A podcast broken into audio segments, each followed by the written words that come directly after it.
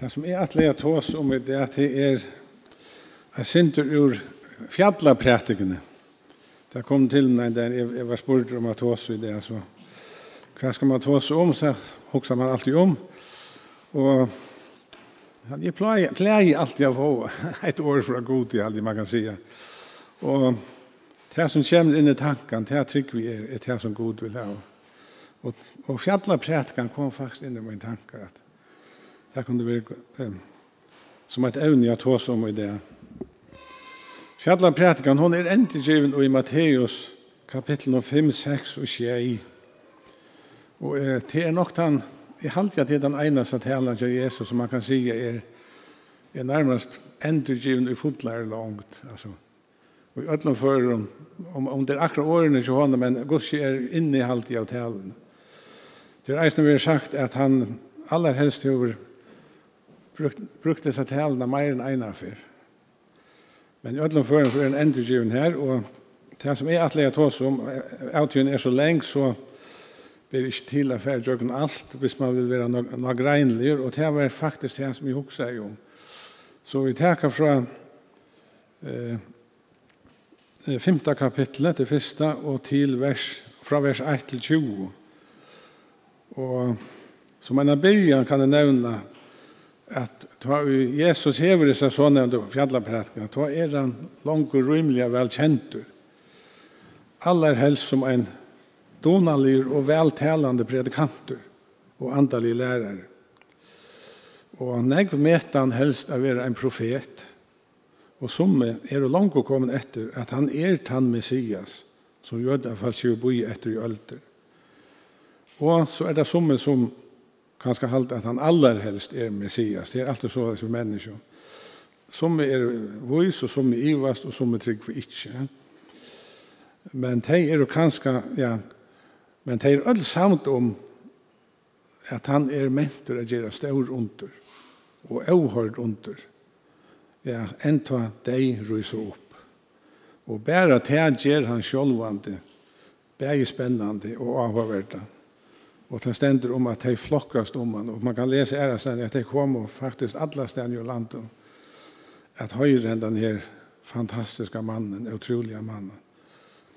Men lærer han seg at hun er korsten ikke han som de har vant og vågna, må man nok si. Kanskje ikke engang lærersveinene.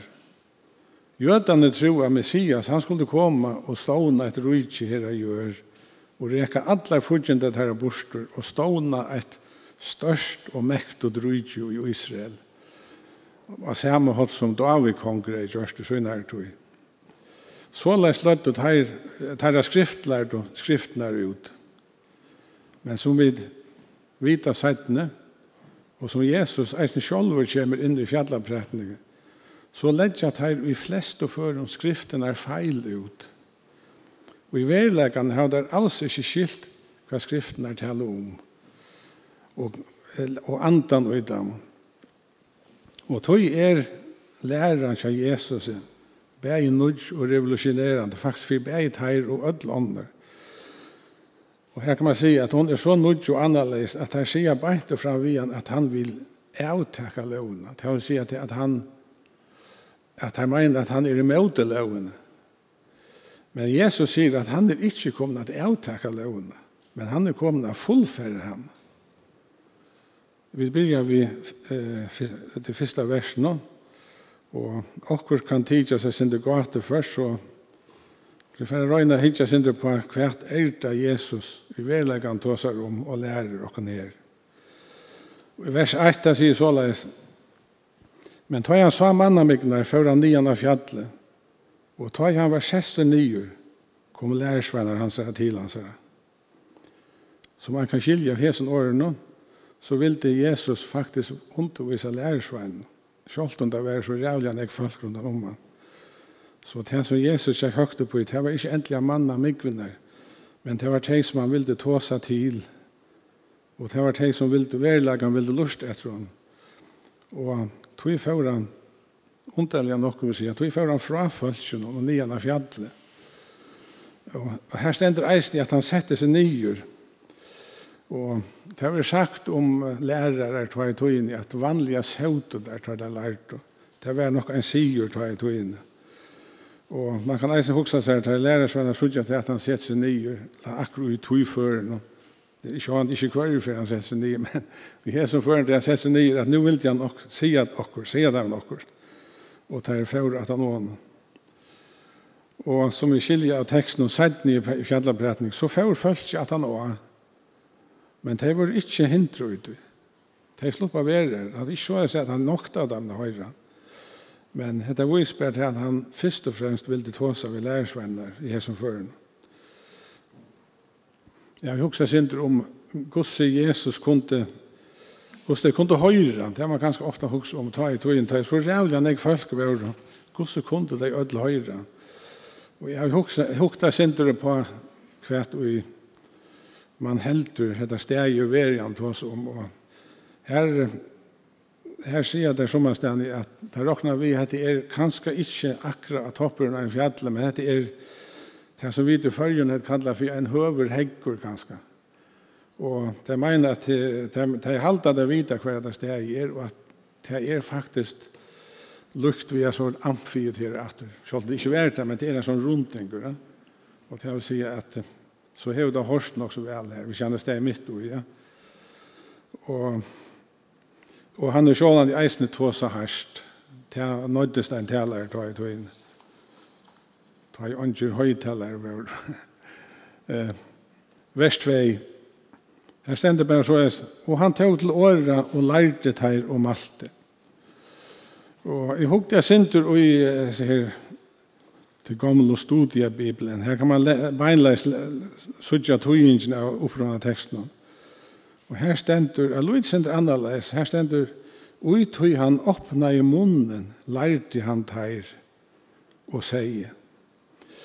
Eh, som den så før Jesus bortstår fra følelsen, for jeg lærer lærersvennerne, Og lærersvennen at det var langt meir enn disse tølv som vi vet om. Men det tølv, det var hans her høveslærersvenner. Det var det som alltid var vi gjennom. Hine var ikke alltid vi gjennom. Grunden til at Jesus først og fremst ville tale ved lærersvennene, det var eisende tog at det som han tåsar om i fjallarprætingen, det er ikke en omvendig av Men han ville som man ville, som man ville nytt hvis det var til overfrelst mennesker. Ja? Men læreren han ville ta seg om her, her som fører han vær til de som til de tryggvann, kan man si, de som fyllte ham. Og til Jesus bor i fjallaprætningen er om hvordan Guds rujtje er, og hvordan de er som høyrer til Guds rujtje. Det er egentlig det som man i høves leika kan finna ute kan finna bors ur fjallapratikene at han faktisk tåsar om enda nudja skapning ikke gos han er og gos hetta nudja ruitje som han vil gjera skal vera. Og han lærer hva det loven og i verilega han taler om kan man säga og her kunne vi vise til Mika 6-8 Ter hever Herren kundgjørst og med avur, hva er godt hva det godt er, hva krever han av det her anna enn å gjøre det som er rett, er stund av kærleika, og i lydelig at det fylgja til henne gode. Og man kan godt si at fjallapratikan, hon, dette her er grunnreglene i fjallapratikan. Nettopp er i årene i Mika 6-8. Hva er det som god vil ha av oss? til ikkje herleitje og anna tøyen, til kærleitje og løydel at jeg fylgja sin gode. Og det som Jesus lærer i Jesu præting, det er så sannelig undra og eisne lærersvenner. Tøy fölkje og tens leier skilt og launa og en helt annan hatt. Hon var hør og streng og nærmast nøyeleis. Her syner Jesus en helt annan hatt a skilja launa på. Man kan si at som venter alt av høttet fra tog som det fyrre var lærst. Og tog er det ungen i vi om at jeg har vært egentlig for ondre om det som det sier, som han sier. Og som han nevnte jo er jo at onker vil enda vilja hildi at han tog seg i møteløven. Eh, Så koma at han var hans her nødjo vers vi sæl og prysan til fra vers 3 til 20, nei, fra 3 til 11, og nummer 12 er om å gledast. Vers 3 sier så leis. Sel er det i andan og fatak, og tog at himmelrys er tarra. Jeg har sett og hørt noen utleggingar av hesen årene, det er vi hørst det i snakket, at her vera fatak i andan er at være sent fætande eller tapeligur, og tog av hese, tog er hese såleis omskild og himmelrys er tarra. Men Jeg sikker at man skal heldur skilje i årene som er være eimjuker, og at god lønner til eimjuka, men han stender til stolte i møte, som det stender Jakob 4-6. Hett er det mennesker som skilja, jeg klarer meg ikke sjolver. Jeg klarer meg ikke sjolver å vinne veien fram til himmelen, og i så måte er det fattak. Det er fattak i andan, og det skilje at jeg klarer det ikke sjolver. Det klarer det i høyre ikke selv. Jeg må ha hjelp. Og en av hjelpen er god. Er Jesus som er vever en sannleggen og løyve.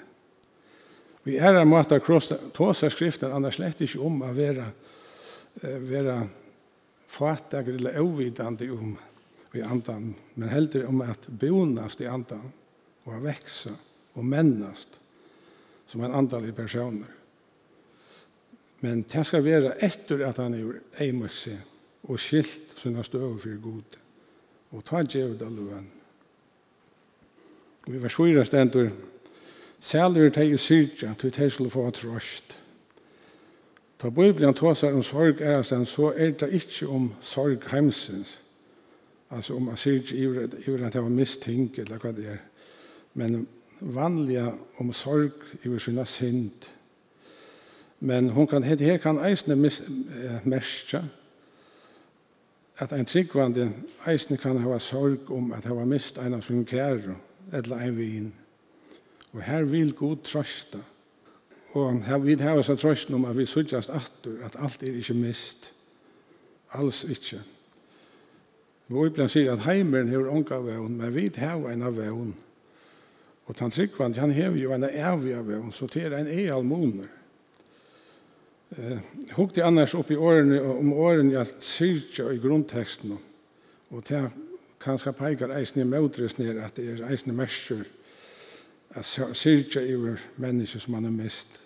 Og her stender at jeg vil brukt året penteo som var et det sterskaste året for sorg og som er en sorg som tekur herradømme fra en person som ikke kan gøymast det er ofta til at jeg vil syrkja omkring så så kunne vi ikke lete være vi har gråta, vi klarer ikke å gøyma det.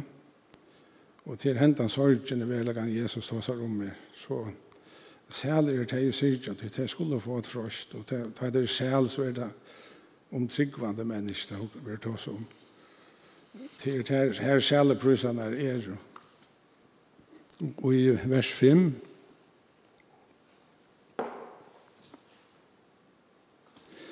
her sier han, «Sjæl er teg speklent, til at teg skulle få gjøren av jarv. Um, han speklent, han leter sånne sæk til god, utan å hevne seg sjálva. Han er tålen, og han lojer øvrat utan å gjøre sparskur. Og dette er en kristen meginregla, som er pur og imøter ødlån tog som heimeren lærer. Og kanskje en av de ringaste reglene halta kjannegvån at hvis du lojer over la det være speklenter og å kunne tåle til eller kan si ja. men til er åkna gagnet og jeg baskla ikke og hevndar over til eitra og eta en sjolvan opp men til ikke så det som vi ikke har rett til å velge åkken men her er det meint vi hva er 18 og tog inn 18 var at en opplever også at man takal være speklenter og tålen.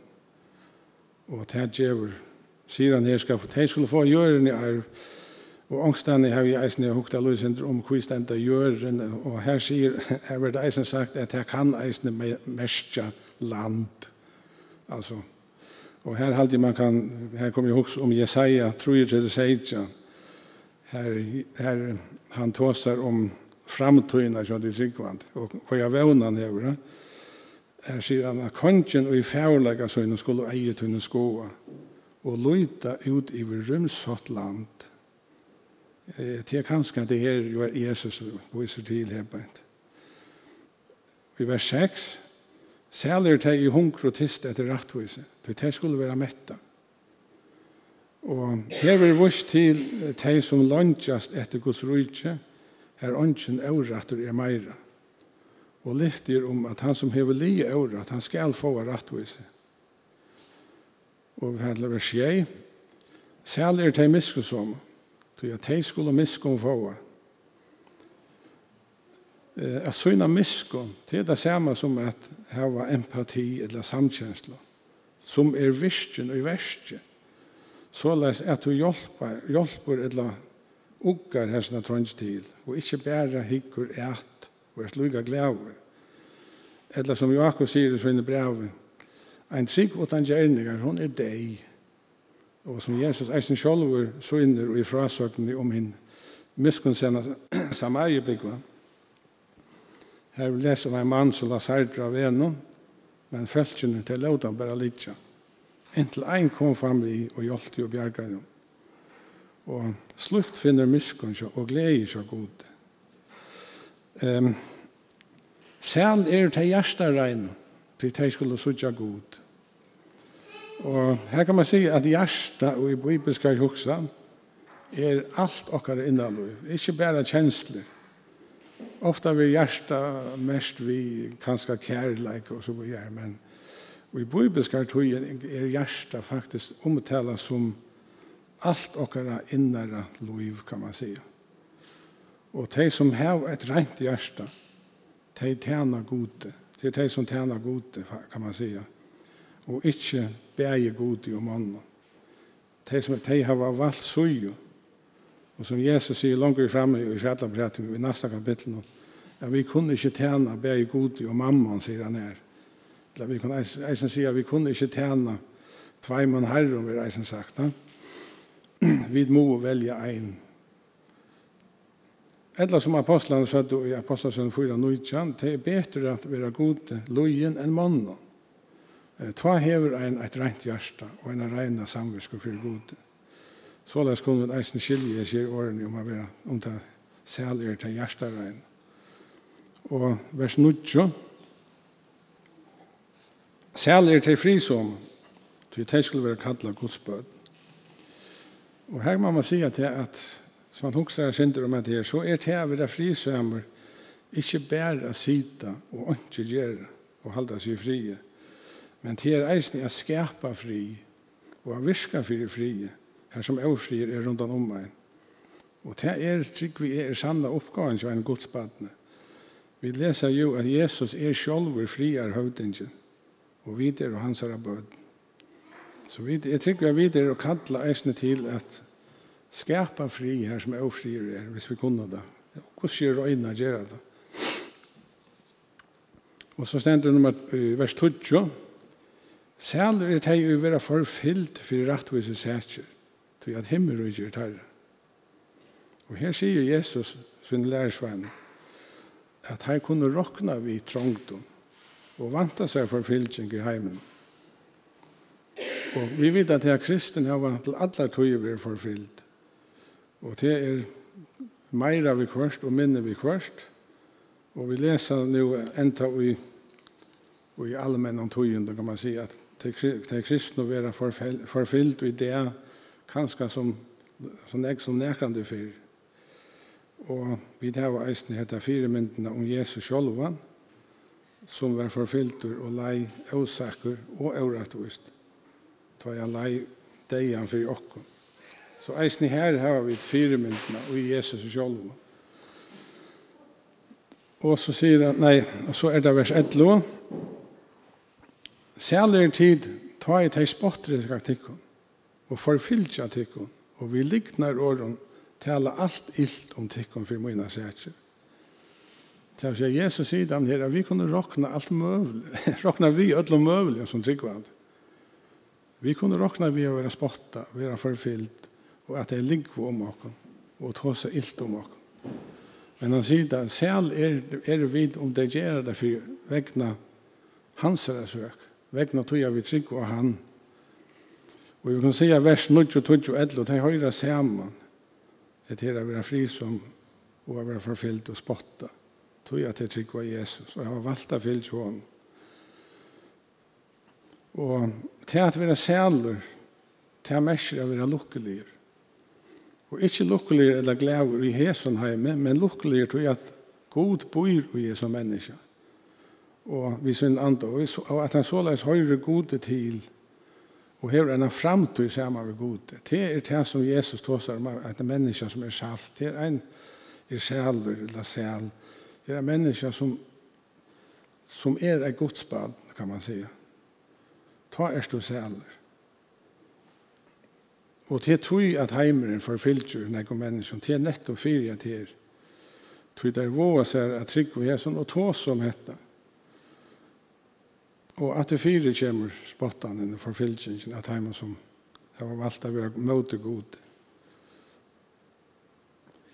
Og alle hese sjæleprysene er jo ikke alle imenske bølgene til helder man kanskje at at det er til ett og ett, men jeg tror at det er Hette er tåsa om den tryggvande personen. Ötla er som selvbrysanne. At såleis eier en tryggvande i verla kan være som ötlar som tingene sier. Ikke bare eit av dem. Hette er den nudje godskapningen som er fødder av nudjen av gode.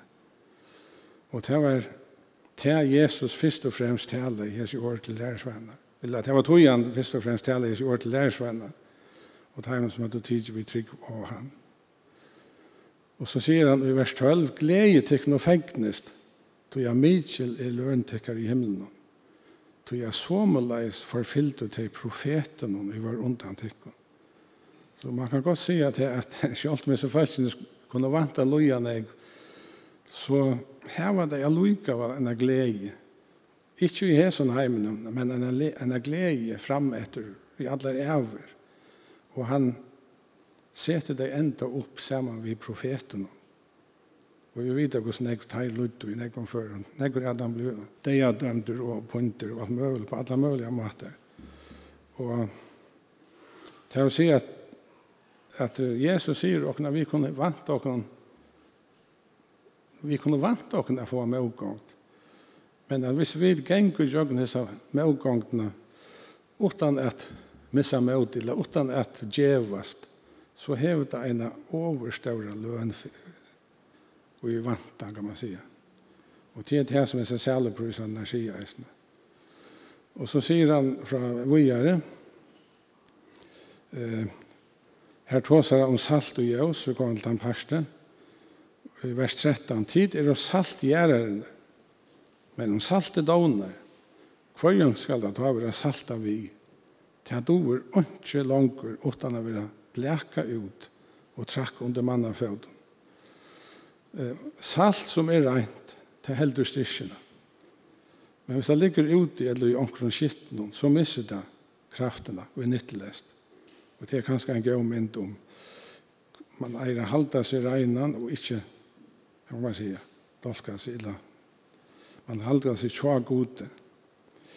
Det har vært sagt at det meste var kraftaleg salt, ofta strøyt om man av vegene, og det forklarer kanskje så sørste åren til Jesus at, at det var blekke ut og trakk under mannafød.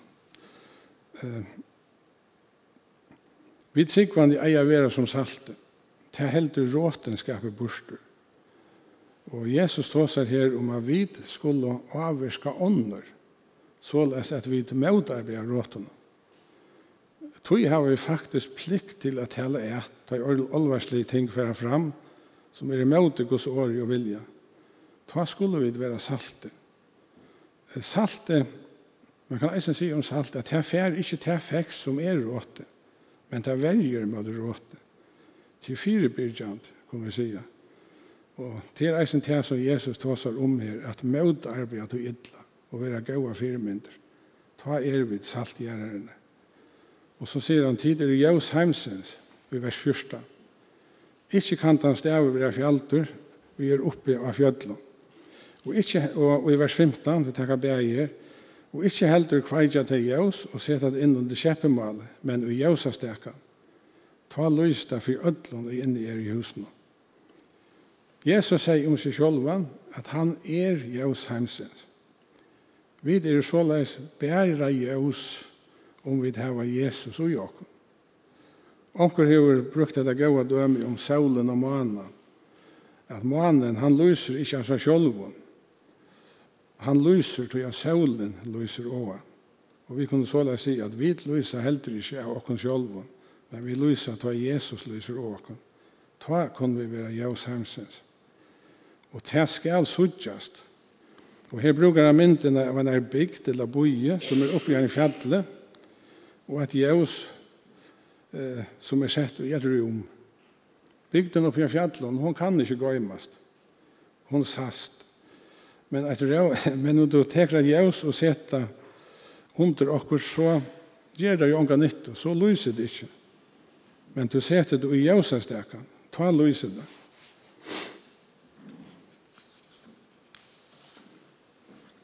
Og så kan man fære ui herfra sånn her, vers 16, Så leis lyser jøstikkere for følelse, at de med a suttje gøyere tikkere og ære fæger tikkere som er i himmelen. Og her kan man huske om jeg sier at man kan godt miskylje etter året at de skulle suttje gøyere tikkere. Og jeg tykker at huksan er, her er ikke at vi skulle spela gau eller reipa og okkara gau gau. Det er Jesus jo i møte, satt ni i fjallabrætningen men at mennesker skulle sudja at vi fylgja Jesus i etter og leva et kristligt liv. Det trygg vi er okkara gaudjer. Og at hei eisni her vi sudja at vi er og øttas god som er okkara feir i himmelen. Og i nasta personen stender i utskriften i okkara bibli at hette er Jesus og loven. Og her leser vi i vers 16 Og Jesus sier, Halt ikke at jeg er kommet at avtaka loven og profetene. Jeg er ikke kommet at avtaka, men at fullføre. Det sier at Jesus, han var ikke møte loven på nekra måte. Det var kanskje ånden som var fyllte lovene betre enn han, eller det var ånden som fyllte henne betre enn han. Så selv om var han ikke møte loven, han var absolutt fire lovene. Og det gjør han så eisne pura greit her at han ikke kom til å avtake lovene og profetene. Men Jesus ganger her i møte fariseerne, der tar søtt at han vil avtake lovene. Det vil å si avtake gamla testamentet og møselovene. Han har en av nødja lærer, men henda læreren, hun avtog ikke lovene, men fullførte henne. Jesus sjolver fullførde lovna vi til at han blei til kan man säga, ultimativa offre som loven i verlagan alla tøyene i kraft. Tjaur offren, de var ikke avvitt, de var firebis, og de måtte år om år måtte i offre og offre. Men de peika jo i og mot de avvitt offren, som er Jesus Kristus sjolv. Loven sjolv hever alltid gildi for Guds folk. Det er så at vi kan si at offrene og dømene i gamle testamentet her mellom deg og dømene er avtidsen. De har Jesus tid av seg selv og tog livet vidt og i nøye tog inn. Så det er salt i man kan skilja det her verset her. Og i vers 18 stendur Du er sannlig jeg sier tikkum inntil himmelen og jøren forgenga skal ikkje hin minste bøkstaver eller et flintur av lovene strykast för en alt er fullgjørst. Og her sier han sannliga, sier Dikkon, det sier han nekra fyrir Bibelen. Og ta vidar at han legger virkelig dent på det som han sier. Og, og til nemlig at, at han stendur vi til som stendur i Guds år, til som stendur i loven. Han, han, han gjør det enda greier, kan man sige. Og han sier at det er så kraftig for at vi skulle velge å legge til mennesker. Og det som loven sier er godt. Og, og eh, jeg hever det. Det som loven, det loven sier er godt, er godt og i Guds eie og i Guds rydde. Og det er verdt at til evig at vi kærleggen til Gud og Guds og til hans herre bøden rattvise, sannleidje, frier og gauur totje, og annars alt som godt og rett er, stendur vi og i æver. Og til loven sier er ringt, og til som loven forbjøver, vil til ævi at vi vil nekka som er ringt, du god sier. Det vil ikke, det brøytes ikke. Og, og det kommer ikke av være gods rydtje. Og det er middel anna avrattvise, liggen, avfri og deie, pyna og alt annað som ringt er, til ute i det Guds røyke. Og tog sier han her at, at loven skal avgande forgenka. Hon kommer aldri, hon kan ikke forgenka. Det er det som hun sier, det er jo verdagen godt. Og så kommer vi til vers 19. Hvert han som tog bryter, et enast av hans som minst og boven, og lærer folk såleis. Han skal være kallet vår minstur i himmelrøyke. Men kvart han som heldur teg og lærer teg, han skal være kallet staurer i himmelrut. Og grunden til at Jesus brukar hese årene om å være minster, det er tog at i Israel, i hans høyre tog, brukte fariseerne det her at, som vært hans staurer troer bøkene tog, at de lærte at det var moner av lovene. Som er lov å være områdende, er minne områdende, og kanskje enda lukka giltigar, til å si at her tåsa om småbå, som man kanskje ikke en gang skulle halte eller tenke olvera, og mye albå, som man skulle tenke sinde mer alvorlig, men ikke for endelig så alvorlig, og så om stårbå som skulle fylltjast. Eh, nevnt vi er ærestandi om noen døme om det er at, det som jeg har lyst at Kvært hildu tær vera ta minsta boi i Bibelen. Og hildu tær vera her som stendur 5. Mosebok 2:6.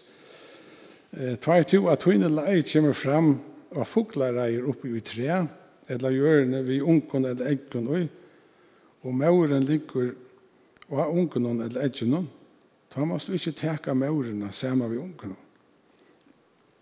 Eina ungarna måst du teka, men maurena skal du sleppa Til tess at du skal være etnerøyker og liva lunge.